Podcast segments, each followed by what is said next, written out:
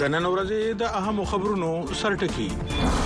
د پاکستان د قومي اسمبلی غونډې رابللو په سر شخړه راپورته شوې د پاکستان صدر عارف علوي د قومي اسمبلی غونډه را بللو نه انکار کړی او د ریزي خپل کړي د خزو او اقلیتونو د سټونو پوره کولو عمل دی لومړی تر سره شي مطبوعات وای د صدر د انکار وروسته د قومي اسمبلی سپیکر راجا شرف د فروری په یو کم دیر شمه د قومي اسمبلی غونډه را بللو فیصله کړې ده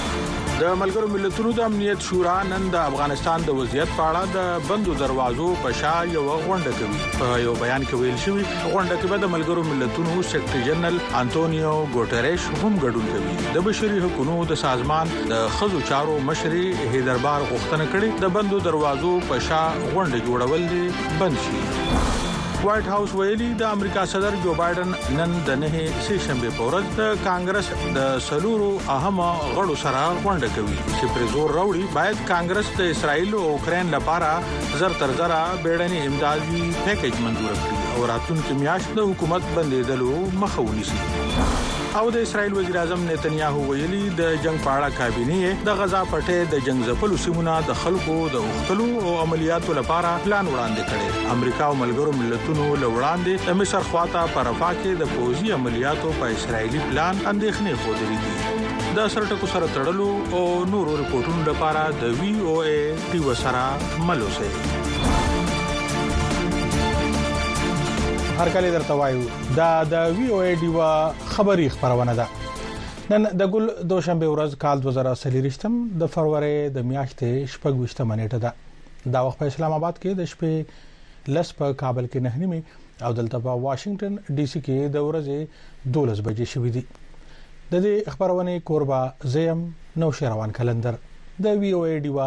د خبری خبرونه دا وخت تاسو د ډیوا په ټي وي ویب پاڼه فیسبوک او یوټیوب چینل نیخ پنیغه ګوره د خبرونه په پیل کومو سرټکی ووردل خو سو د رپورټونو خواته لومړی رپورټ د اسلام آباد نه د وی او ای ډیو خبريال الیاس خان د تیر لوی خبر پښتونخوا خبرونه کې زموږ سره راغلی او هغه په دې باندې تاسو خبر کړو چې د پاکستان صدر عارف علوي د قومي اسمبلی غونډې رابللو نه انکار کړی دی دغه شخړې ورسته د پخوانی چې کوم اسمبلی و د هغه سپیکر چې اوس هم یو قانوني او آئینی حیثیت لري هغه په یو کم دیرشمه فروری باندې غونډه رابلل ده دا دغه شان د پنجاب او سند صوبو اعلی وزیرانو نوې منتخب شوه اعلی وزیرانو خپل انتخاب چې کوم دی هغه هم مکمل شوی دی او په دې باندې تفصیل الیاس خان زموږ سره شریک کړو یو ځل ورته بیا تاسو پام را ګرځو جی بالکل دغه د اتمه فروری د ټاکنې وروسته د ځنی قانون پوهانو او د مخالف ګوند غړو دغه دریز دی چې د آئین د لاندې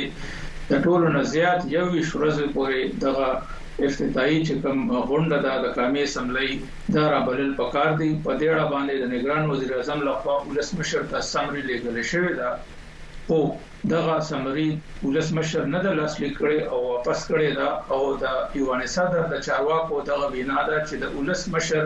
دا دریځ دی چې تر دې دمه پورې د قامي اسمبلۍ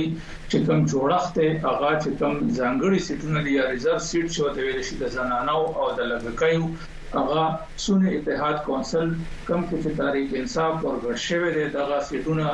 ترلاسه کولو لپاره هغه دوی ته نه دي ورکړی شوي نورو ټولو ګوندونو ته دا ورکړی شوي نو ځکه تر دې دمه پورې قامي اسمبلۍ چې کومه ده دا نامکمله ده په دې اړه باندې څیړونکي دا وایي چې دا یو آئیني بحران طرف ته بیا دا ملک ځي او دې وخت کې دوباره به د وزیراعظم له خوا یو هڅه هم کیږي چې ولسمشر ته دغه سمري ولیږل شي خو بیا د ځینې قانونپوهانو او د حکومتي ګوندونو د غړو دغه دریځ دی که چېرې ولسمشر دغه سمري نه لاسلیک کوي نو بیا د آئین د لاندې د سپیکر قانوني اسمبلی سره د اختیار دی چې هغه دغه غونډه راوپالي ولې چې د یوویشت ورځو نه زیات دوی سره دا اختیار نشته دی چې د قانون اسمبلۍ دا غونډه دوی د دې نه لیټ کړي او د آئین د لاندې د ټولو نه مکسیمم ټایم چې کوم دی نو هغه یوویشت ورځې دي پکار خو دا ده چې د یوویشت ورځو نه وړاندې دغه غونډه راپالل شوې وی نو دغه په نیوه کې د مخالف ګوند غړو له خوا په صدر باندې روانې دي په کوم باندې چې دغه تورونه وړاندې دوی لګوي چې دا تحریک انصاف یو پلوي دی او دی د یو آئین د لاندې خپل رول نه لوبوي بلکې د پاکستان تحریک انصاف د یو فعال غړي په طرز باندې دی دغه رول لوبوي او دوی دغه تورونه هم لګولي دي چې صدر چې دا وخت کې په کوم یوانې صدر دی. هغه یو ځل بیا د سازشونو یو ګډ جوړ شوی دی. الیاس خان طیب یو طرف ته که د صدر دا خبره چې اول دی دغه فیصله وکړی شي چې په کوم کې د ریزرو سیټ یا هغه د خزو د اقلیتونو چې کوم سیټونه دي مخصوص سیټونه په غیر فیصله وکړی شي په دې اړه باندې که بیا هم سروستي راځي نو د ډیوا د کتون کوریدونکو سره به شریکو خو په خیبر پښتونخوا بلوچستان پنجاب او سند کې د حکومتونو د جوړولو سلسله کم ځای ته ورسېدله جی بلکل نصرالله صاحب دغه دویم پړاو د وقفه د حکومت سازی روان دی په پاکستان کی او په هغی کی تر دی دمه پوری نن د پنجاب وزیراعلی مریم نواز شریف چه تعلق یی پاکستان مسلم لیګ نون سره دی هغه منتخب شوی ده او دا د پنجاب په پنځه اویا کلن تاریخ کی کله چه پاکستان جوړ دی ړومبی زنانه ده څوک چې دې چوکۍ باندې منتخب شوې ده په دې موقع چې کوم مخالف ډلې وي سني اتحاد کونسل چاته چې پاکستان تحریک انصاف ملاتړ تر لاسه دی هغوي چې په ایوان کې د دې د انتخاب په وخت ډیر سختې چغې سورې وهلې او د دوي د دغه د مینډیټ د پټولو او د یو نامنتخب وزیراعلی خطاب یې دې ته ورکولو وروسته هغوي بیا د دغه ووټونو چې کومه پروسه وه د دې نه بایکاټ وکړو او بهر لاړو او د هغوی دغه ویناوه چې د دوی غړي په نننۍ ورځ هم نیول کیږي او صوبایي اسمبلۍ ته ولس نه راپریږدي. دغه رنګ بیا د سند که موږ وګورو نو سند کې د پیپلز ګوند مراد علي شاه یو غټ اکثریت سره په دریم ځل د سند په تاریخ کې پرله پسې د وزیراعلی سوګند نن پورته کړی دی. د دې نه وړاندې هم د پیپلز ګوند سید قایم علي شاه، دوه ځله دوه زره درې نه تر دوه زره دیارلس پورې پرله پسې وزیراعلا پاتې شوی او مراد علي شاه لومړی کس دی کوم چې په درېیم ځل باندې دا چوکۍ ترلاسه کړې ده. همداشان که بیا موږ وګورو دوه نور صوبې خیبر پښتونخوا د صوبايي اسمبلۍ غونډه د اته ویشت مې فرورۍ باندې رابلل شوې ده او همداشان د بلوچستان د صوبايي اسمبلۍ غونډه هم په اته ویشت مې فرورۍ باندې رابلل شوې ده چې دغه رنګ به دغه د څلور واړو صوبايي اسمبليانو د خپل وزيراعلاګان منتخب کړي او د هغې نه وروسته بيا ځايي مطبوعات دا وايي چې د موجوده صدر موده آئيني په اتم مارچ باندې ختميدونکې ده که څه هم دا په ستمبر کې ختمه شوې وه خو پاکستان کې چونکې انتخابات ليټ شو د ځنډ ښکار شو د مختلف وجو له وجې نو ده پنځه مياشتې زياتې په خپله دې چوکۍ باندې تيرې کړې خو اوس دغه د اليکشن نه يو مياشت پورې ده سره چې کوم دغه ټايم دی دغه اته مارچ پورې دی او زيات امکان دغه دی چې په نهم مارچ باندې د اولس مشر دپاره هم دغه ټاکنې وشي کله چې اليکټورل کالج به ټول مکمل شي ولې چې ددې نه رسته بيا د نهم مارچ نه پس کافي سنيټران به ريټايرډ کيږي دهغوي اليکشن به هم دهغې نه پس کيږي نو دهغې نه وړاندې ضروري ده چې ولسمشر انتخابات ترسره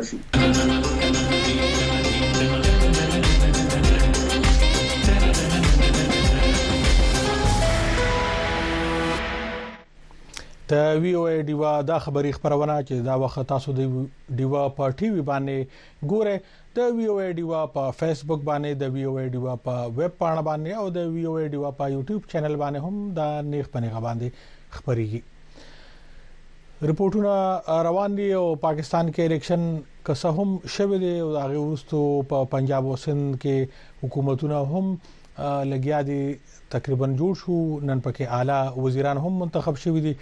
د خیبر پښتونخوا د اعلی وزیر انتخاب یا د قومي د صوبایي اسمبلی غونډه هغه به چې کوم دی د دې میاشتې په 28مه باندې سبانه بل ورځ چې کوم تر سره شي ورسره په بلوچستان کې هم غونډه راولل کیږي خو په مرکزی حکومت کې د قومي اسمبلی غونډه راوللو په سر باندې چې کوم شخړه روانه ده هغه تاسو الیاس خان درته دغه تفصیل وې خو زو شمالي وزیرستان نه چاته چې د الیکشن نه ورستو اوس هم احتجاجونه روان دي د خیبر پښتونخوا په شمالي وزیرستان کې په ټاکنو کې د درغلو خلاف د نېشنل ډیموکراټک موومېنټ لخوا د احتجاجونو لړۍ روانه ده او نن هم په داسې حال کې دغه احتجاج روان و چې ځای خلکو وی او ای ډیو ته ویلي په شمالي وزیرستان کې د امنیتي ادارو موجودګۍ باوجود د وسلوالو ډلو وسلوالې ډلې چې کم دی هغه ښکار شوې دي چې په خلکو کې ویره پیدا کړې ده د دې ترڅنګ په لکی مروت او ډرشمل خان کې نن د پولیو مهم هم شروع شوه دی په دې ټولو باندې تفصیل خلود ډیوه خبريال عدنان بیٹنی نه څوک چې دا وخت زموږ سره نیخ پنیغه موجود دی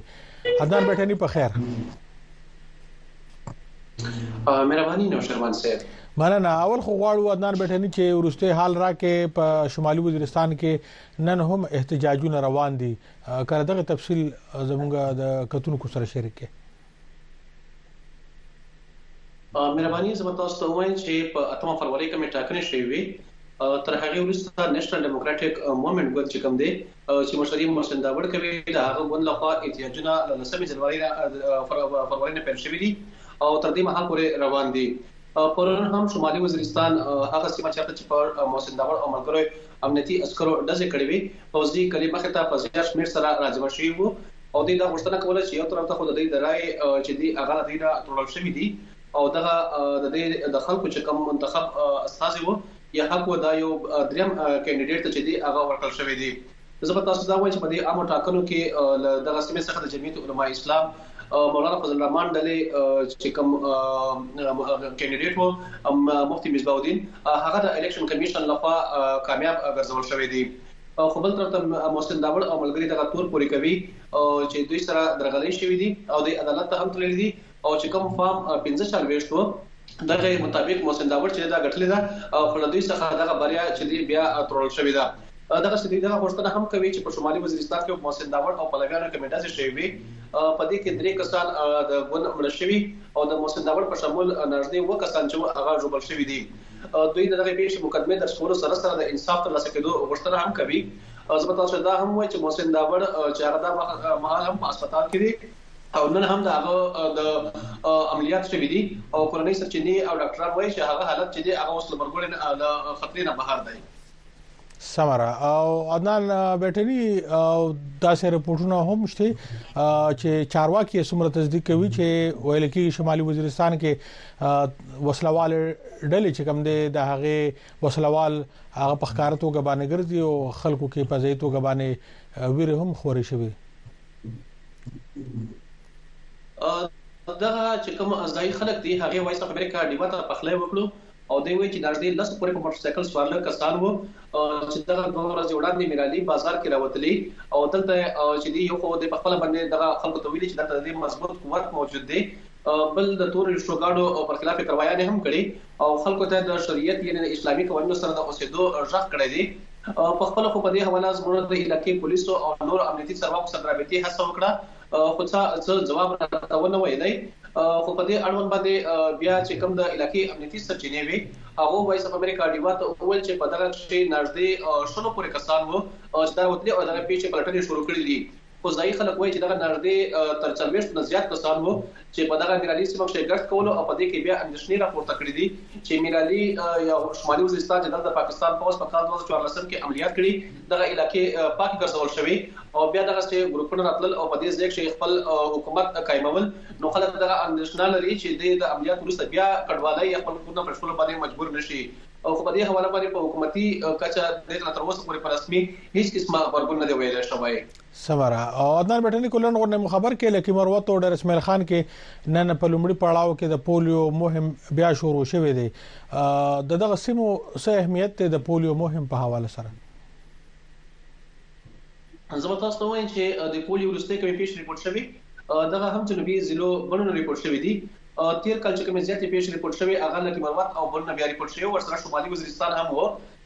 او دلته چې کوم د سیاست څنګه چارواکي دي هغه وایي چې دلته چې کوم د نمونې د اخستلې دي دغه ضلعو نه نو په دې کې د پولیو وایرس چې دی هغه موندل شوی دی او دا وایي چې دلته دغه دلته چې کوم ماشومان د هغو ژوند پریز باندې دی په تیر چې لنډه موده راځي د ناامنۍ له امله په دغه علاقو کې چې د کم پولیو کمپاین دی دغه د ځن سره مخامخ دی ټانک او جنوبي وزیرستان چې هغه اوس هم ځن سره مخامخ دی خو حکومتي چارواکي وايي چې په لکي مروت او ډېره اسماعیل خان کې دې فیصله کړې چې کوم تر پنځه کالو نه کم عمره ماشومان دي هغو ته پولیو څاڅکي ورکړي او دا وايي چې که دغه څاڅکي یو ماشوم ته ورکړي نو هغه ټول عمر د شل کېدو نه بچ شي خو که یو ماشوم ته چېرته د پولیو ناروغي وشي د هغې علاج هم نشته او بل دا دا څرګنده کوي چې په علاقه کښې یو زر نور ماشومان هم دغه خطر سره مخامخ دي نو تر اوسه پورې خو په دې حواله داسې کومه خبره مخې ته نه راغلې. خو په دې وروستیو کښې موږ کتلي چې په پولیو په ساتونکو چې کوم پولیسو ډلې وي په هغې باندې زیات بریدونه ترسره شوي او دغه بریدونه بیا چې دي دا بنو او لکه چې کوم ټانک زیرو دي په هغې کښې ترسره شوي چې هغې ذمه واري هم تحریک طالبان پاکستان وار په وار اخستې ده. ډېره مننه عدنان بېټېنري د تفصیل راکولو. مهرباني کور ودان. مننه.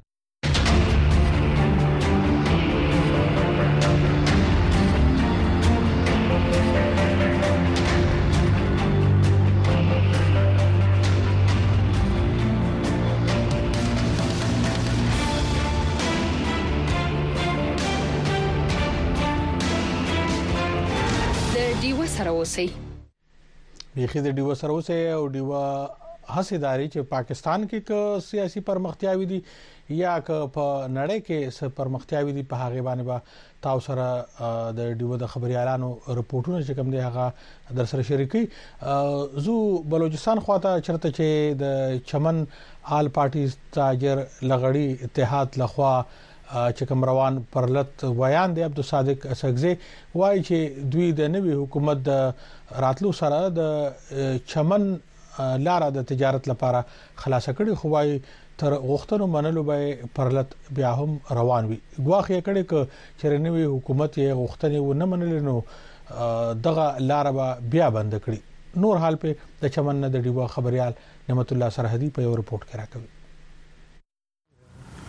په چمن کې د آل پارټي ستاجر لغړي اتحاد له خوا روان پر لت لړ څه کم د تیرو څلورو میاشتو راهیسې بنده کړې د چمن دروازه د تجارت په مخ خلاصه کړه او د چمن او سپین بولدک ترمنځ تجارتي چارې پیل شوې د پاکستان کسټم چارواکي وایي لار د پرلتوالو لخوا د خلاصېدو سره سمې پر بارډر د کسټم ودانۍ کې د اموالو کلیرنګ چارې روانې کړې د پرلت ویان عبدالصادق اڅکزی وایي چې دوی د نوي حکومت راتلو سره سم د چمن دروازه پر دغه امید د تجارت په مخ خلاص کړل چې نوی حکومت به د دوی غوښتنې ومني، خو پر لت به روان وي. که چېرې نوی حکومت د دوی غوښتنې نه ومنلې، دغه لوی لاره به بیا دوی بنده کړي. تاجرانو، بلوڅ،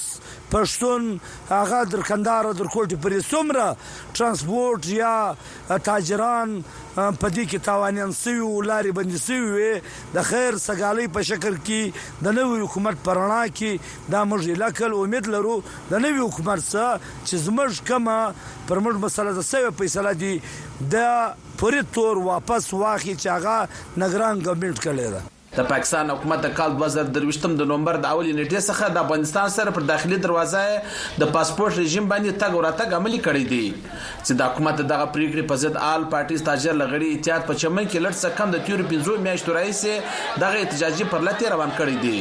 خو اوس په سیمه کې د یخ کچه سیوا شوې ده بارانونه روان دي خو د دې باوجود دغه احتجاج کوونکي د شپې او د ورځې د باران او د یخني څخه ځانونه ساتلو لپاره په خیمو کې ناست دي او احتجاج یې روان کړی دی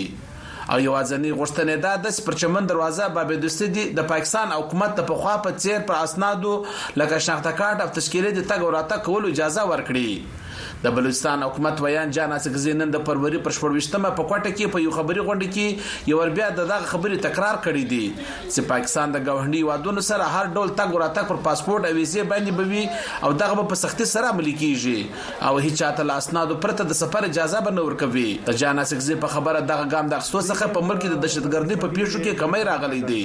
خو د دې مخکې د جنوري په پنځلسمه جان اڅکزي ویلي وو چې پاکستان حکومت د دغه ګام څخه چې کوم خلک متاثر شوي دي د هغو خلکو لپاره به حکومت د روزګار زمينه برابرولو لپاره به په چمن ماستر پلان کې کاروبار شروع کوي او د بېوزلو خلکو لپاره به راشن او امداد ورکول سلسله یې هم روانه کړې ده خو دغه احتجاج کوونکي وایي چې د حکومت دغه یوازې دعوې دي دا وخت دوی په کورونو کې د بچیانو د خوراک لپاره توکي نشته او کاروبارونه یې ختم شول. وږي تږي د زار روپی نه لرم مریضان هم راته پراته دي کورو کی می اوبه ولاړی دي خونی می ونړیدی ټکور ټکور موږ په دا پر لار کی شپه او ورځ ناست یو دا یخ ته موږ نه د ګوټکو پیسی لرو نه بل شی لرو موږ سره ظلم کیږی ګرڅه د سرکار په موږ څه چم کوی ګرڅه دوی څه وایی. د تېر کال د اکتوبر د شلمې راهیسې آل پارټي ستاجر له غړي اتحاد د پاسپورټ او ویزې لازمي کولو خلاف دلته په چمن کې په احتجاج بوخت ده او د پخوا په څېر پر پاکستاني شناخته کارډ او افغان تذکرې باندې پر پوله د ازاد تګ او راتګ غوښتنه کوي. نعمت الله سرحدي، وي او ای ډیوه ټي وي، چمن.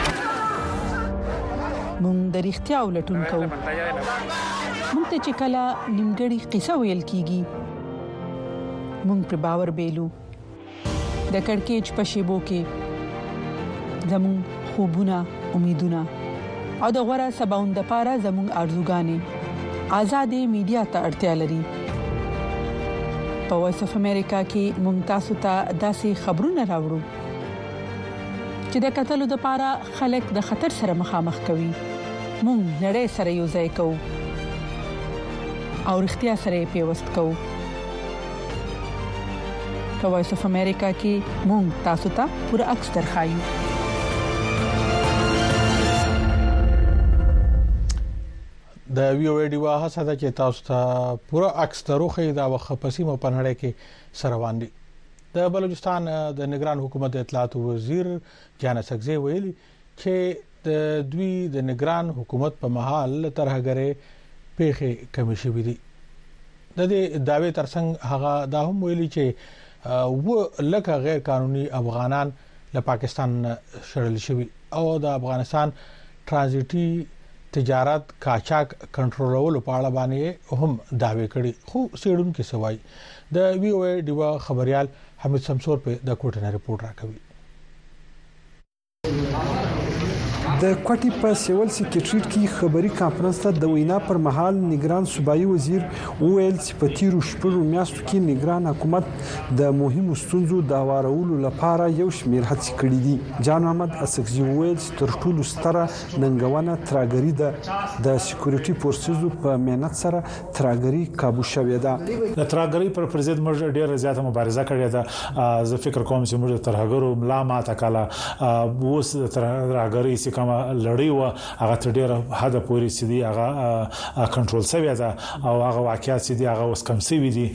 د الکشن پر وخت باندې ځینې پېښې شوې وې خو په مجموع کې دا الکشن نسبتاً پر امن و، په دوه زره اتلسم کال کې ډېرې زیاتې پېښې شوې وې خو په دا اوس انتخاباتو کې دهشتګردۍ څخه کومه لړۍ وه دا ډېره کمزورې وه نو دا زموږ بریا ده. د انتخاباتو پر مهال د بلوچستان د خانوزۍ او کلا سیف الله کې په دوو بمي چاودنو کې د دو دېرش کسانو په شمول په سیوۍ، کوټه او چمن کې په بېلابېلو پېښو کې پولیس ویایي چې تر اته دېرش زیات کسان وژل شوي وو. تر څلوېښت زیات بیا ټپیان وو. صوبايي وزیر وهغو کاندیدانو چا چې ټاکنې ګټلې دي مبارکي ورکړله. پر دې مهال له صوبايي وزیر ځخه مو وپوښتل چې دلته د انتخاباتو د نتیجو د امکاني درغلیو په ضد باندې پرلت او احتجاجونه شوي دي. د پاکستان یو سیاسي کلتور جوړ شوی دی، هر سیاسي ګوند چې دی هغه که الیکشن وګټي بریالی شي هغه وایي دا سم الیکشن دی خو چې ناکام شي وایي درغلۍ شوي دي. دا په تیرو پنځو الکشنو که موږ تاریخ وګورو همدارنګه ادعاوې شوي دي نو زه فکر کوم چې که څوک د احتجاج کوي دا دی حق دی که لاریون را باسي د دې حق دی خو مهمه خبره دا ده چې دا یو پروسس وو هغه مکمل سو زه څوک دا نه وایي دا یو بشپړ مکمل پروسس داسې و چې هغه پرفیکټ وو خو دا دی چې موږ فکر کوو چې ادعاګان هم وي د درغلي تورونه هم وي خوب به هر حال هم دغه لاره ده د یوه حکومت څخه بل حکومت ته د اقتدار ورکولو. څېړونکي وایي چې په انتخاباتو کې ډېرې سترې سرغړونې شوې دي او له ځینو اقداماتو څخه د عامه خلکو په مشکلاتو کې اضافه شوې ده، د غریبو خلکو روزګار هم اغېزمن شوی دی. نګران صوبايي وزیر جان محمد اڅکزي پر مخ زیاته کړله چې په شپږو میاشتو کې اووه لکه غیر قانوني افغانان وطن ته ستانه کړل شوي دي. تمه ده چې نوی حکومت به و دغه تګلاره ته دوام ورکړي. د ده په خبره افغان ترانزیټي تجارت د قاچاق کنټرول شوی دی او د ډالرو قاچاق هم په تیرو شپږو میاشتو کې کنټرول شوی دی. نګران صوبايي وزیر جان محمد اڅکزي وویل چې له څو لسیزو راهیسې په زرګونو کسان له اسنادو پرته د افغانستان له پولې هره ورځ اوړي خو اوس پاسپورت د سفر کولو لپاره لازمي شوی دی. د دې درناوی پکار دی. حمید سمسور وی او ای ډیوا کوټه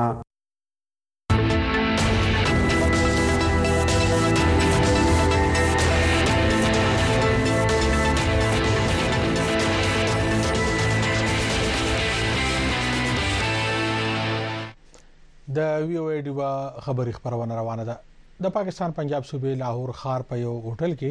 پرون د هغه خزه چې پر ځايي توندلارو تور پورې کړی و چې په جامو یې د قران ټکي لیکلي دي او د مذهب سپکاوی یې کړی په ضد توند غبرګون مخې ته راغلی دی مذهبي عالم طاهر اشرفي وی وی ډیو ته ویل دي داسې جامې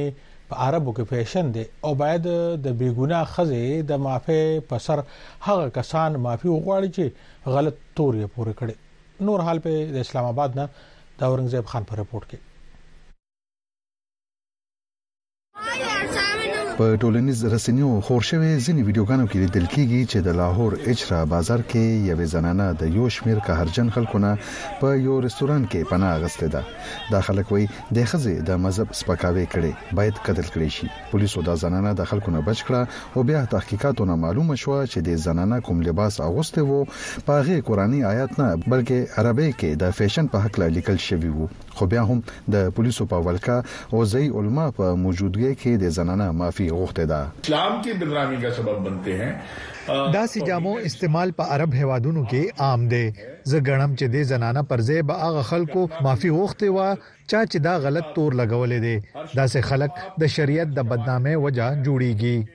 پاکستان کې دا ړومبی ځل نه دی چې قهرجن او تندروه فکر لرونکو له خوا په داسې ښکاره د مذهب د سپکاوی په نامه په چا تشدد شوی وي.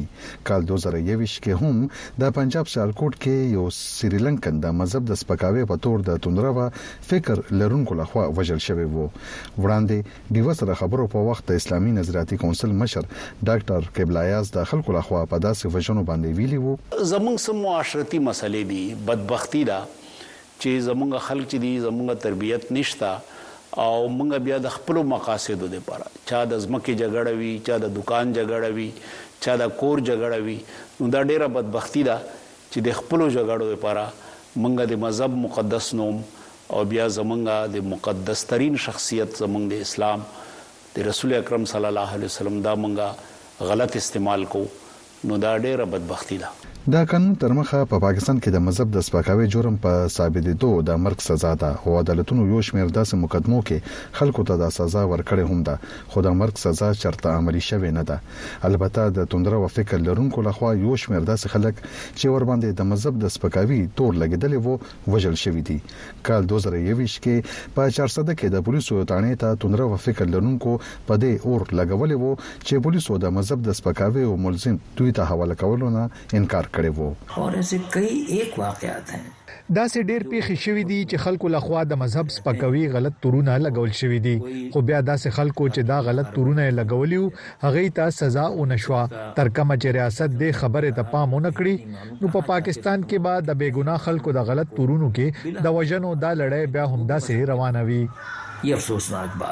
نږدې ورځو د پاکستان سترې محکمې ستر قاضي، احمدي ټولنې سره تعلق لرونکي یو تن د ضمانت فیصلې د چیف جسټس پر ضد هم د هېواد اکثر له برخو کې د مذهبي ګوندونو له خوا احتجاج شوی و او په ټولنیز رسنیو هم چیف جسټس ته دړکې ورکول شوې وې. اوس سترې محکمې هم دې تن مبارک احمد ثاني د ضمانت په قضیه کې د مذهبي ادارو مرستو اغستو فیصله کړې ده. اورنګزیب خان، وایس اف امریکا، ډیوه، اسلام اباد. زما دا پوخ یقین و چې په ازادۍ او مرګ کې به ځان ته یو لار خوښوم ما ته پته وه چې که زه ځان د یو نه بیلوم نو بل به لازما خوښوم که بل څوک یې کوي او که نه صحیح کار صحیح د هر انسان ژوند باید د بل لپاره یو مثال جوړ شي د هر عمل یو عکس العمل ضروری د انسان لاس ته هغه سرازي چې صحیح کړي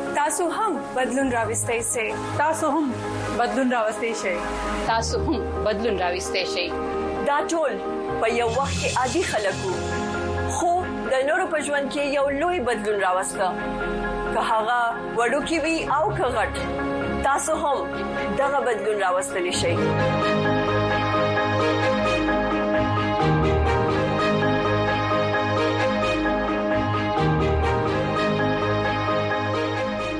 د وی او ای ډیوا خبری خبرونه روانه ده د وی او ای ډیوا د خبری خبرونه چې تاسو په ټي وي باندې ګوره د وی او ای ډیوا په فیسبوک باندې ویب پاڼه باندې او یوټیوب چینل باندې هم نخبنه خبريږي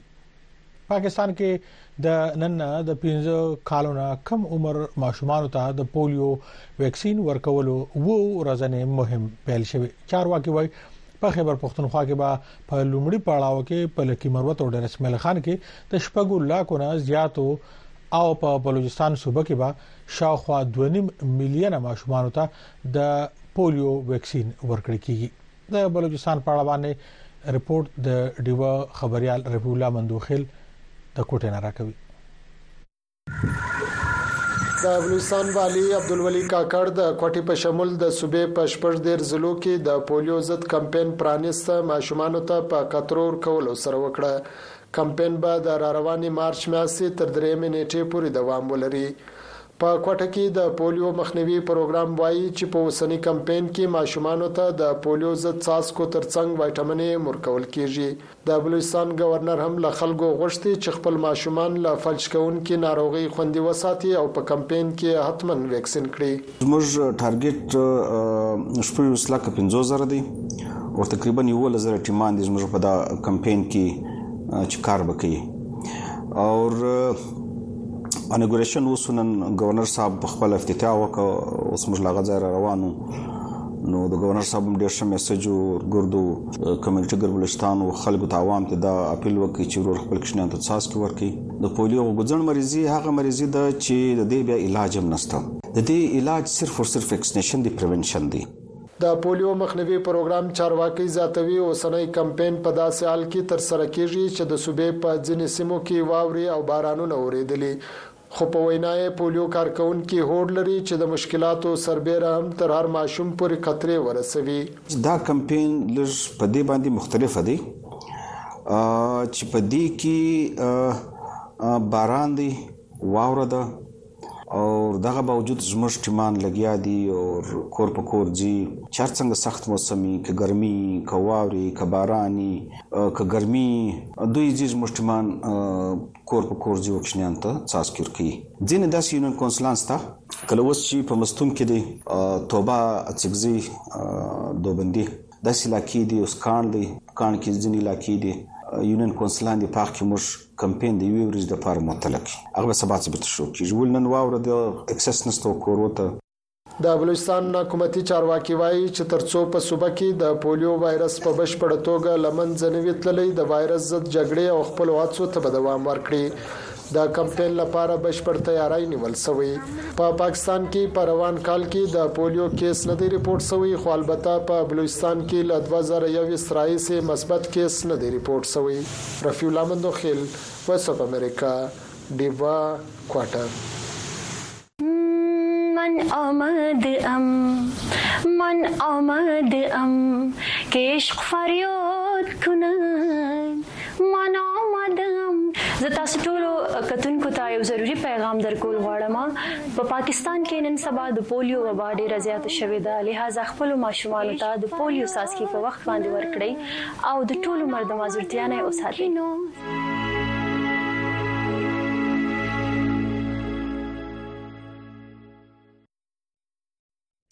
او زمو منځني ختیځ ته د اسرایل او حماس د جګړې وروستي حالم د درکو د اسرایل وزیر اعظم نتنیاهو ویلي د جنگ په اړه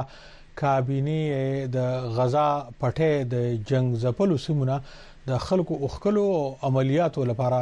پلان وړاندې کړي امریکا او ملګرو ملتونو له وړاندې د مصر خواته په رفاه کې د پوځي عملیاتو په اسرایلی پلان اندېښنې خوده دي د وایس اف امریکا خبريال خبريال عرب اراش سعدي رپورت د ډیوه همکارا ماوش جلیل وړاندې کوي د اسرائیل پوځ د اتوار یکشنبې په ورځ د ځمکنیو چاودنو عکسونه خپاره کړل چې ویې ویل په غزا کې د توندلارو تاسیسات ویجاړ کړي. وایس اف امریکا نه شي کولي په خپلواکه توګه د ویډیو نیټه یا ځای تایید کړي.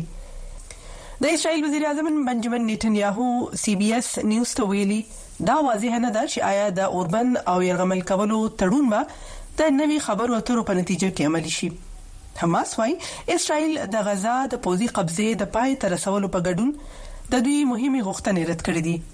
په داسې حال کې چې زرګونه کسان په تلابیب کې د یوې اونۍ په لاریون کې ګډون کوي او د یرغمل شوو سمدستي خوشې کولو غوښتنه کوي چې د اکتوبر د اوومې راهسې د حماس لخوا نیول شوي. د اسرائیل پولیسو د اوبو د توپونو په کارولو سره یو لاریون منتشر کړو چی مظاهره کوونکو د اکتوبر په اوومه نیټه د نیتنیاهو تور پورې کولو نښې لرلې. نیتنیاهو د خپلې کابینې د رابللو پلانونه اعلان کړل چې په رفاه کې د فشار په اړه بحث وکړي چې پکې به د ملکي خلکو ایستل شامل وي. ملګرو ملتونو خبرداری ورکړی چې تر شپږ سوه زرو ډیر ماشومان به د دغه ډول برید د خطر سره مخ شي. د فلسطین سویلي ښار رفح اوس د څلور میلیونو نه ډېره ابادي لري. د غزا د نیمايي نه ډېر نفوس، ډېر یې د میاشتو جګړو له امله بې ځایه شوي. امریکا وايي، د رفح لپاره د یو پوځي پلان سره باید بشري پلان یو ځای شي. موږ د څه باندې یو میلیون خلکو په اړه خبرې کوو چې د غزا په نورو ځایونو کې د پوځي عملیاتو له وجې دې وړوکي ځای ته ایستلی شوي دي. دا هغه سیمه هم ده چرته چی ټولی بشری مرستی غزا ته راځی چی ټولی غزا سره مرستی وکړی او د همدی امله مونږ څرګنده کړه چی مونږ باور نه لرو چی یو لوی پوځی عملیات باید تر سره شی په رفاه کی تر هغه وخت پوری مخکی مه ځی تر څو چی د دغو ملکی وګړو د ساتنی، ویستلو او خوراک، جامو او کور ورکولو لپاره واضح او د کار وړ پلان شتون ولري. په رفاه کې ګڼې ګوڼې د مخکې نه د روغتیا پاملرنې سیستم فشار راوړي چې شاوخوا څلور نوي زېږېدلي ماشومان یو انکیوبېټر شریکوي. د وایس اف امریکا ارش عرب اسدي لپاره مهوش جلیل وایس اف امریکا واشنګټن ډي سي.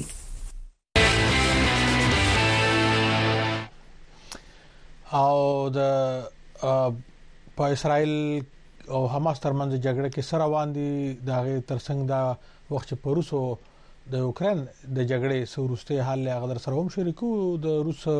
د پوز وړاندې تګ او درول لپاره اوکرين ته د وسلو زر تر زر بندوبس کولو د اهمیت په سر نن امریکا او یورپ یواره بیا خبرې اترې کړې دي او سباله په وایټ هاوس کې یو غونډه هم کیږي چې په دې اکل باندې به کې باس کیږي د دې نه وړاندې هم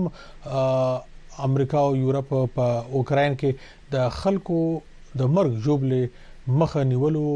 او په سولېزه توګه د جګړې د حل لپاره په هڅو خبرې شوې دي په دې اړه د وی او ای ډیوا خبرياله ویرونیکا بالدریس اګلیسیاس رپورت درته د ډیوه همکار اشفاق مومند په غږ وړاندې کوو. د اوکراین په ډونیسک سیمه کې په ریلوی سټیشن د اتوار په ورځ د اور لمبې بلې شوې د راپورونو تر مخه دغه روس په ګایډډ بم وشتلی یو بل ویډیو هم مخه ته راغلی چې د روس پوځي مشران د اوکراین څخه د فروری په 19 نیټه قبضه کړل شوی خارګوټي او ډیکا کې معاینه کوي د اوکراین ارادې بیا هم کلکې دي او د ملک د دفاع وزیر روستم اوماروف خبرداری ورکړی دی چې د مقاومت لپاره زر تر زره وسلې ته حاجت لري. د جګړې په حساب چې موږ خپل دښمن ته ګورو، د هغوی اقتصاد دوه ټریلیونه دی، نو په اساسي توګه هر څه چې وي، خو موږ سره چې کومې ژمنې شوې دي، دغه په وخت را ونه رسېدې، نو موږ به خلک بایلو، سیمې به وبایلو.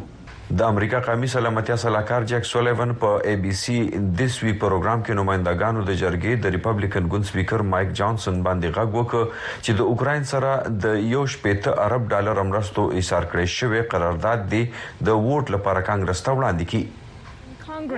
سپیکر جانسن اف هی پوت ذس بل آن د فلور. که چېرې سپیکر جانسن دا قرارداد مېز ته راوړو نو د اوکراین سره د مرستو په حق کې به دواړه ګوندونه غړي په اکثریت سره رایې ورکړي. مونږ دغه څۀ په سنټ کې هم ولیدل. که مونږ چېرې د کارتوسونو دغه کمې پوره کوو نو اوکراین به د روس خلاف جګړه کې په بهادرۍ او په لویه حوصله مقابله وکړي. د ښاغلي سولیوان وینا په داسې وخت مخې ته راغلې ده چې د دغې یوه ورځ وړاندې اوکراینیانو په خپل وطن د روس له خوا د یرغل دویمه کلیزه ونمانځله.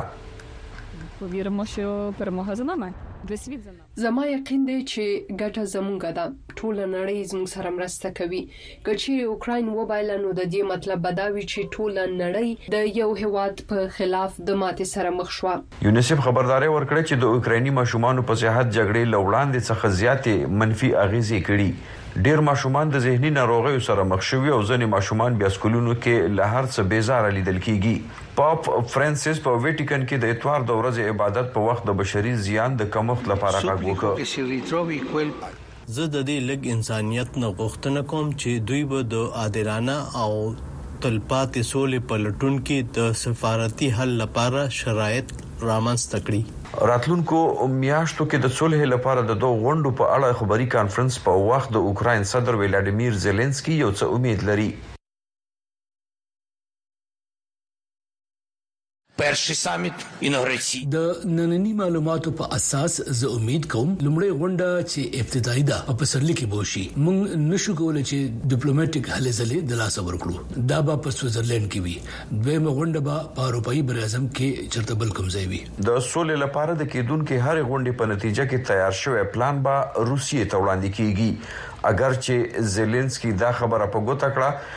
چې د دې ضمانت نه شي کېدلی چې روس به دغه پلان ومني. د وایس اف امریکا ویرونیکا بالدیراس ایګلاسیاس لپاره اشفاق مومند وایس اف امریکا ډیوه ټي وي واشنګټن ډي سي.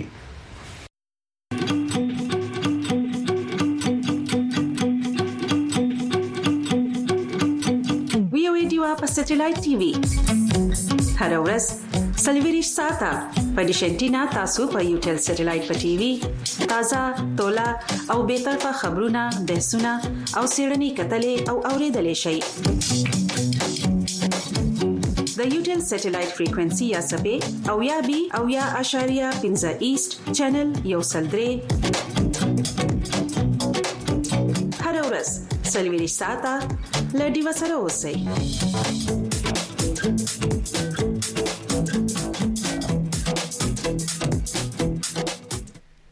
د اسرایل تاسنګ د اوکرين په اړه باندې ورستي معلومات مهم د اشفاق په رپورت کې وریدل خودل ته په واشنگټن ډي سي کې نوې پرمختیاوي په دې اړه باندې وایټ هاوس ویلي د امریکا صدر جو بایډن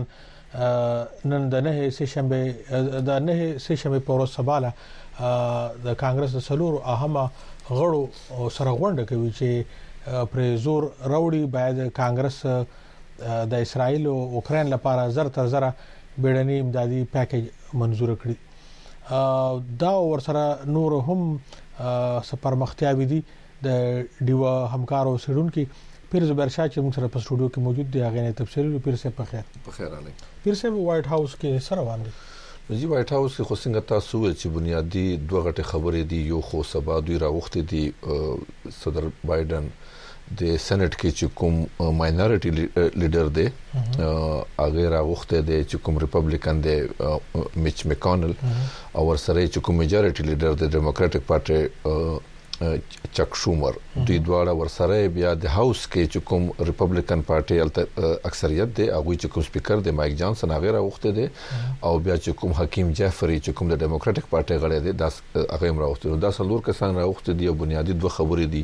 یو خدای څنګه تاسو د یوکرين او اسرائیل په حق له کوم امداد دی 15 90 بلین ډالر چې کوم دوی سېنات منځوري ورکړي ده هغه کې ډیموکراټ په اکثریت کې دي اوس به دا بل وړاندې کېدل دي په هاوس کې چې التنه منځوري وشي نو دا به پاس شي خو په هاوس کې لا سپیکر چې کوم ریپبلیکن دی هغه نه وړاندې کوي نو هغه باندې لګلانجه جوړه ده او دوم حکومت چې د میاشتې باندې دوه چې کوم خطر دی هم دک د قانون سازي په وجنه نو هغه باندې به دوی وایي چې موږ خبرې کوو او بنیادی خبره خو ما په خیال اوس دلته د یوکرين چې کوم امداد دی هغه په هکله دی ولې چې یوکران چې وایي چې موږ ته امداد پکار دی او امریکا او دلته هم یو دا سیاسي بحث جوړ د ډیر وخت نه کته واست یاد دی په دې باندې دا لندن شروع د ډیموکراټک پارټي او د ریپبلیکن په منځ کې دا تاسو چې کوم د یوکران خبره کوي د دې لپاره د وړاندې نه کوم امریکا ډیر په مليونونو ډالر باندې کوم د مرستې شوې دي کو دا اوسنۍ چې کوم صورتحال روان دي د کانګرس غړي مراغوښتي دي اهم تاسلور څنګه تاسو ذکر وکړو نو کدا دی رو غواړي او مثال لا فندز نه منځوري کې بیا د یوکرين د لپاره مسله وي جی نو بیا ویری سری نقصانات دي نو نقصانات خو جی دا سو ګورې نو پرون زيلنسکي خبريالانو سره خبرې کړې دي په کیف کې او هغه ویلي دي چې دا ډېر ضروری دی چې د امریکې کانګرس دا شی زر تر زر دا بل پاس کی چې موږ ته امداد ملاو شي او زلنسکی وایي چې یو میاشت کې دنه پکار دی چې وشي بل طرف ته کتا سو ګوري نو رپورټونه دا دي چې روس حمله ډیره زیاته کړې دي په یوکرين په خلاف ډرون حمله زیاته کړې دي نن په پیرس کې یو غونډه ده او په هغه کې فرانس او نور چې کوم یورپی هوادونه دي هغه راغونډ شوې دي او یو قسم یوکرين ته دا میسج ورکړي چې موږ تاسو سره یو او روسته دا پیغام ورکوي چې تاسو په یوکرين کې نشئ ګټلای نو که تاسو ته یاد وي دلته د نمخ کې په سېنات کې په هاوس کې راغوښتل شو انټونی بلینکن راغوښته او د غسه چې کوم آستن لایډ د ډیفنس سېکرټري هغه راغوښته شو هغه نه تاسو شو که آیا موږ امداد ورنکو نو که فرض کوي وي چې امداد موږ ورنکو نو روس به دا جنگ وګټي او پوتين چې کومه منسوبه ده چې د یوکرين ونیسي او بیا نور هوادونه الکه به د کامیاب شي نو دلته یو قسم ما تاسو ته وی چې زلنسکي هم هغه کوي چې هغه ته ضرورت دی یو میاشت ټایم ورکړي دلته هم ډیر زیات وخت لګیدو په دې ورکړه راکړه باندې نو که فرض ک په ټایم ورنه شي نو دا څه خطر دی چې دومره نقصان وشي چې بیا دا جنگ چې کوم یوکرين کې دی دا د ګټلو نه بهري بالکل خواته ورسره یورپ هم دی او د یورپ هم ځان له دا وخت خپل ویره موجود دی زه دا خبره د دغه سره تړم د راتلونکي نومبر د صدارتي الیکشن سره چې کله بایدن او ټرمپ به یو بل ته مخامخ کیږي په هغه صورت کې منظرنامه څه جوړیږي یا د نړیوالو اندېښنې سره یا د څنګه چې تاسو د زيلنسکي نو دې دلته خو ګوره اوس دوه هوادونه داسې دي چې ټول غټ امداد ورکوي یوکرين ته په دې ټیم یو جرمني دی په یورپ کې او یو امریکا ده امریکا ما تاسو ته وی چې دلته چې کوم خبره کیږي چې کوم د ډیموکراټک پارټي هغه وایي چې مونږ ریپبلیکن پارټي سره بنیادی مونږ په دې اتفاق شوه دي خو ځنه داسې کسان دي چې پر ریپبلیکن پارټي کې چې هغه اوس هم ورتاغه کوي نو بیا دلته زیات چې کوم اوس فوکس دی مونږ وینو هغه په اسرایل په حماس په جنگ باندې هم دی نو هغه فوکس تل که ټرمپ صدر کیږي نو آیا پالیسي کې د یوکرين په جګړې په حواله سره فرق راتلی شي خامخا به فرق راځي او ټرمپ خو وایي چې زه دا جنگ په سلور ساعته کې ختموم څنګه به ختمي خو مطلب دا دی چې ټرمپ کې دي شي نور په ډیپلوماسي په سفارتکاري او د امن راوستلو د جنگ ختمولو باندې سنور ډیر زور ورکړي په دې ټیم اسوینو چې د امن لپاره داسې کوششونه نشته او ټول فوکس په جنگ دی نو کې هغه دا وایي چې زه به داسې وکم او ورسره ورسره چې کوم داسې امدادي خبرې دي نو مانه د خیال چې هغه به مو دروي خو نور هم شرطونه بور سره کېږي او نور به د تګوري چې دا چې کوم امداد دی دا شفاف طریقې سره او په صحیح ځکه ولګي ډیره مننه پیر صاحب ډیره مننه د بدلون په وخت کې کله چې نړۍ د غیر یقیني سره مخامخ کاری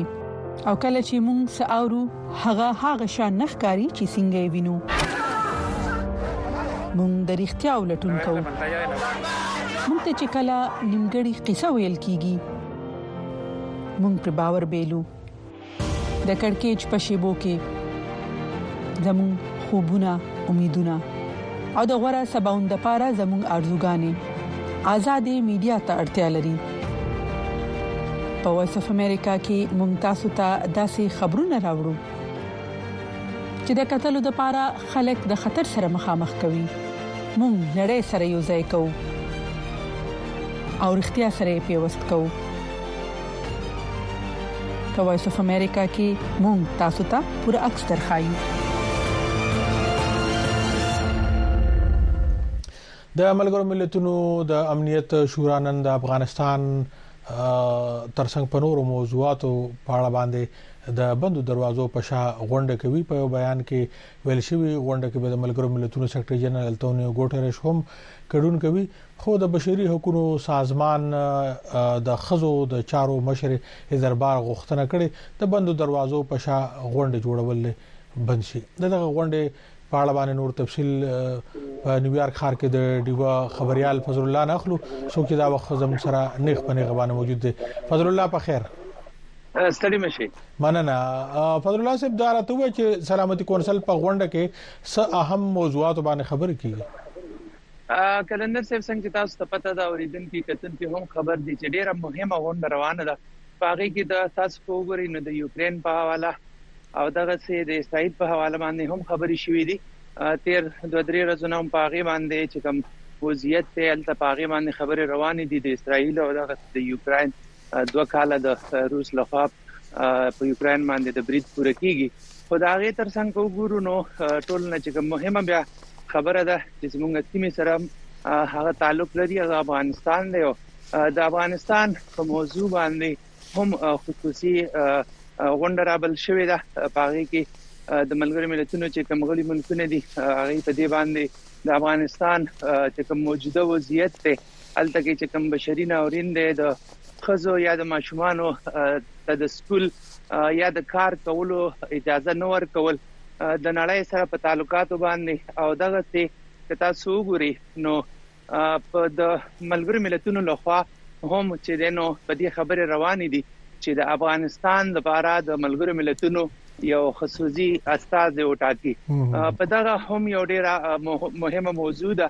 چې په راتلونکي کې ملګري ملتونه غواړي چې د افغانستان سره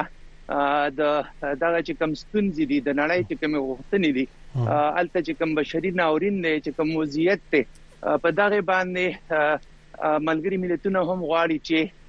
خبرو اترو یو پیلو کې هغه د پاره چې نو د ملګرو ملتونو خپل یو ځانګړي استاد یو ټاکي فضل الله صاحب د سلامتي کورسل سو واره غونډه او شوې د سکو هم د اوکرين په اړه باندې یا د اسرایل په اړه باندې کې خو د افغانستان په اړه باندې هم سو غونډه تر سره شوې د دا اوسنۍ چې کوم غونډه نن کیږي پدې کې س توقعات دي ځکه چې تر اوسه پورې د طالبان حکومت پر رسمیت نه دی پیژندل شوی او دا د افغانستان لپاره په خپل یو ډېر غټه مسله ده بلکل همدغسې ده کله چې تاسو وګورئ د پنځلسم اګست وروسته کله چې طالبانو په افغانستان کې د واک ترلاسه کړ د اشرف غني حکومت ختم کړی شو د هغه وخت نه ملګرو ملتونو کې د افغانستان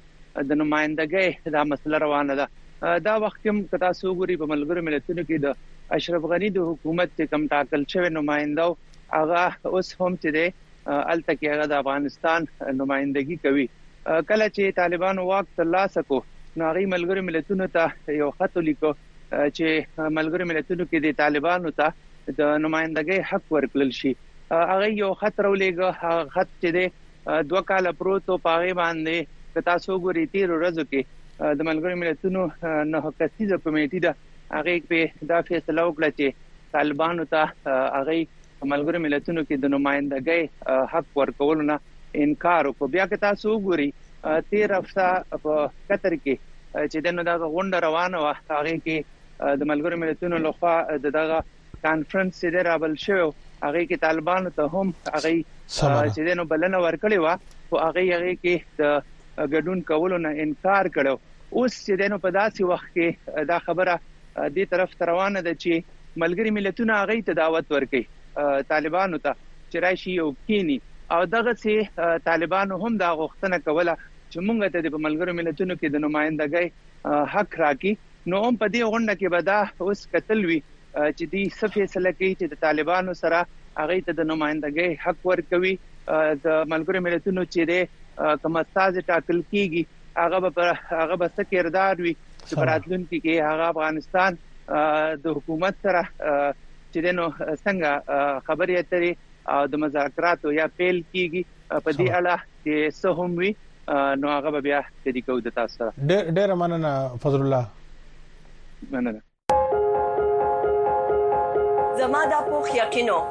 چې په ازادۍ او مرګ کې به ځانته یو لار خوخم ما ته پته و چې که ځان د یو نبیلوم نو بلبا لازمن خوخم که بل سو کې کوي او کنا صحیح کار صحیح د هر انسان ژوند باید د بل لپاره یو مثال جوړ شي د هر عمل یو عکس العمل ضروری د انسان لاس ته هغه سرازي چې صحیح کړي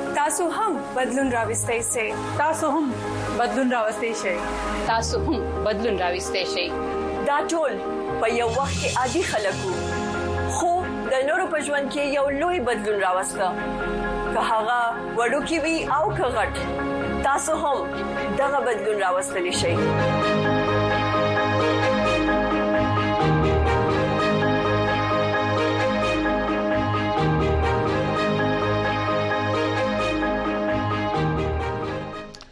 او د دې خبرونه یو اخرنی رپورت هم در سره شریکو په پیښور پوهنتون کې په خزو د موسمي بدلون اغیزو په موضوع یو مباحثه وشو چې ګډونوالو پکې د موسمي بدلون د اغیز کمولو په لړ کې د زنانو د کردار مهم ګرځولې په دې اړه نور تفصيل د ډیو خبريال احسان محمد خان په خپل رپورت کې راکوي د موسمي بدلون اغېزې چې پوره په نړۍ کې لیدل کېږي، خو په غریب هېوادونو کې بیا د موسمي بدلون نتیجه کې ډېرو ستونزو سر راوچت کړی او ماهران وايي، تر ټولو زیات ترې زنانه اغېزمن شوې دي. چې زموږ د ابادۍ د پنځوس فیصدو نه زیاتې چې دي، دا ښځې دي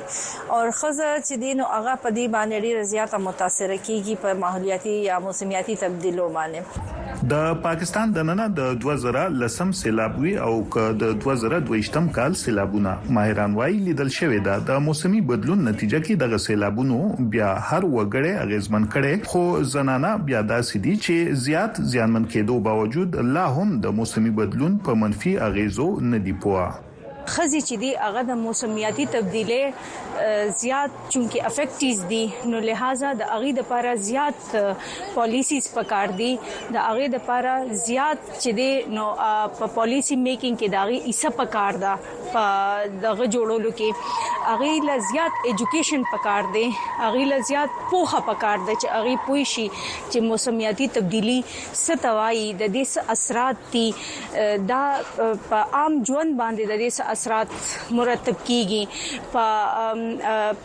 په اکانومي باندې د دې څه اثرات مرتب کیږي د حکومت په کچه چې د موسمي بدلون اغیزې کمولو لپاره ځانګړې ادارې جوړې شوې دي او بیا د دې مقصد لپاره تګلاره هم جوړول کیږي خو د پېښور پوهنتون مباحثه کې وویل شو پکار ده په دغه تګلاره کې زنانه هم رول ولري او ښځو ته د دې شي تعلیم ورکول ځکه ضروری دي چې دا کې دي نشي چې خالی نرینه مخ کې شوغي دا کارو کې موسم تبدیلی اثر چې پټولو دي نو موسم تبدیلی او درول یا اثر کمول هم دا د ټولو ذمہ داری ده اغه لپاره خزه هم ډیر ضروری دي چې اغه ایجوکیټ کو چې اغه په دې باندې خپل خپل رول خپل کردار ادا کړي د بېنظیر ښځو پوهنتون د پروفیسرانو له لوري چې د موسمي بدلون په لړ کې زنانو ته پوهاوي ورکولو لپاره دغه مباحثه ډېره وستایل شوه، خو دوی وايي پکار ده په دې هکله ورسره حکومتي ادارې هم کومک وکړي. زنانه چې کوم دي جي هغه هغوی د اویرنس لپاره د هغوی د ګایډنس لپاره چې لکه داسې حالاتو کې به تاسو بیا څه کوئ داسې سیشنز ډېر زیات ضروري دي نو دا اوس زموږ کمزوري دا ده چې زموږ لکه په خپله چې کله کوشش کوو چې مونږ لکه دا کلایمټ چینج باندې دغه نو چې مونږ ډیفرنٹ ډپارټمنټس ویزټس وکړل مونږ ورته وی چې مونږ ګوره داسې کار کوو مونږ په دې لیول باندې کار کول غواړو په موسمیاتي تبدیلو حواله سره مونږ کار کول غواړو مونږ اویرنس سیشنز کې خودل غواړو نو مونږ ته ډیره مایوسی الته او شو چې اغي بداوي چې بس د دې شیزونو ضرورت نشته او لکه الدو چې په خپل لیول به کوشش کوي خو لکه اغي مونږ ډیر انکریج کوو حالانکه مونږ د ایکسپیکټ کول چې مونږ چونکی وامن یونیورسيټي یو غټ پلیټ فارم دی زمونږ سره افیلیټیډ کالجز دی آل اوور کې پی څومره وومن کالجز دی مونږ هغه ته اکسس کولی شو نو لکه مونږ خو یو داغي د پاره یو ښه پلیټ فارم وو کنه جی. د موسمي بدلون چیلنجونه چې ورځ تر بله په زیاتیدو دي او یو خوا که د دغه اغیزو کمولو په لړ کې حکومتي کچ هم هڅې روانې دي خو بیا ماهران وايي د ابادۍ زیاته برخه یعنې د زنانو پوه کول هم ډیر ضروري دي. احسان محمد خان، وایس اف امریکا، ډیوه، پیښور. د وی او ای ډیوا خبری خبرونه مو وریده ک دا تاسو نه پاتې شي وي نو د وی او ای ډیوا سوشل میډیا چې کوم پلیټ فارم دی التبدا موجود وي د دې سره د خبری خبرونه وخت سره تور رسیدو او بیا بدرته ویو کو د ډیوا د خبرونه یا د ډیوا نور خبرونه لکه هلو وی او ای لوی خبر پښتونخوا د میرمنو پروګرام بي بي شیرینه کتل درنه پاتې شوی وي نو د ډیوه په فیسبوک ویب پاڼه او یوټیوب چینل یې لټول شي د دې سره بدرنه زه نو شروان کلندر د خپل پروډوسر عدنان رشید او د انجنیرانو د ټیم سره واخلم اجازه په مخه مخه